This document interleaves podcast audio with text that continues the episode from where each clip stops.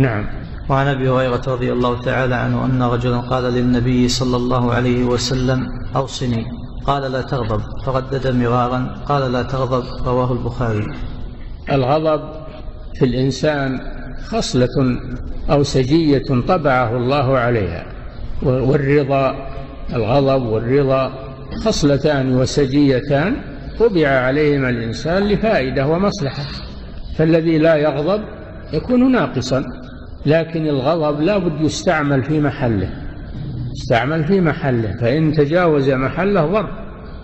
والغضب معناه يقولون غليان في القلب يطلب صاحبه الانتقام ممن غضب عليه.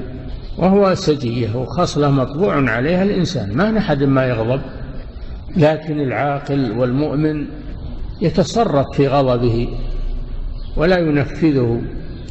وأما الأحمق والجاهل فقد يحمله الغضب على أشياء مذمومة كالقتل والجرح أو الكلام السيء وهذا أشد أو القطيعة قطيعة الرحم. الغضب يحمل على مهالك يحمل الإنسان على مهالك إلا إذا استعمله في محله واستعمله استعمالا حسنا فإنه يسلم من يسلم من شره. وهذا الرجل طلب من النبي صلى الله عليه وسلم أن يوصيه أن يوصيه بوصية تنفعه. فالنبي صلى الله عليه وسلم قال له لا تغضب. كأن الرجل استقل هذه الوصية. لذلك كرر على الرسول صلى الله عليه وسلم. وفي كل مرة يقول لا تغضب. ولم يزد على ذلك. ما الحكمة؟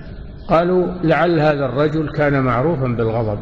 النبي صلى الله عليه وسلم يجيب كل إنسان بحسب حاجته فهذا الرجل كان معروفا بالغضب فالرسول صلى الله عليه وسلم أوصاه بذلك وخصه بهذه الوصية. وهي وصية له ولغيره وصية له ولغيره. كل إنسان مطلوب منه أن لا يغضب لما يترتب على الغضب من الأضرار وعليه بالحلم. ما نحد ما يجد في نفسه شيء من الغضب لكن الإنسان يحلم. الله جل وعلا يقول في صفات المؤمنين وإذا ما غضبوا هم يغفرون وإذا ما غضبوا هم يغفرون. لم يقل لم يغضبوا لم يقل لا يغضبون أو لم يغضبوا بل قال إذا ما غضبوا هم يغفرون. فيغفر الإنسان ويحلم هذا هو المطلوب. ولهذا قال صلى الله عليه وسلم ليس الشديد بالسرعة اللي يصرع الناس وقوي في بدنه. ما هو هذا هو الشديد. الشديد الذي يملك نفسه عند الغضب. هذا هو الشديد القوي الذي يملك نفسه عند الغضب. والنبي صلى الله عليه وسلم كان يغضب لكنه لا لا ينفذ إلا إذا كان الغضب لله عز وجل. كان صلى الله عليه وسلم لا ينتقم لنفسه أبدا ويحلم. رغم ما يلاقي من الأذى من الناس كان يحلم صلى الله عليه وسلم.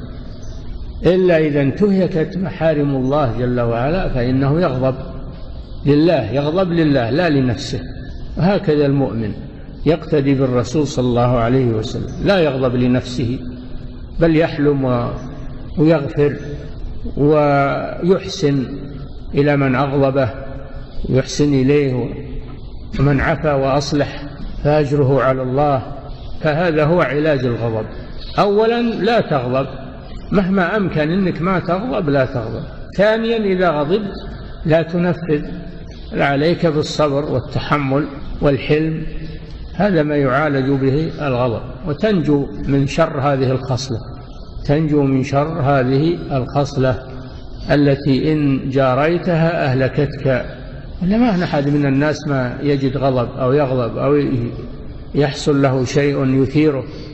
لكن عليه أنه يصبر يتحمل ولا يبادر بالانتقام. نعم.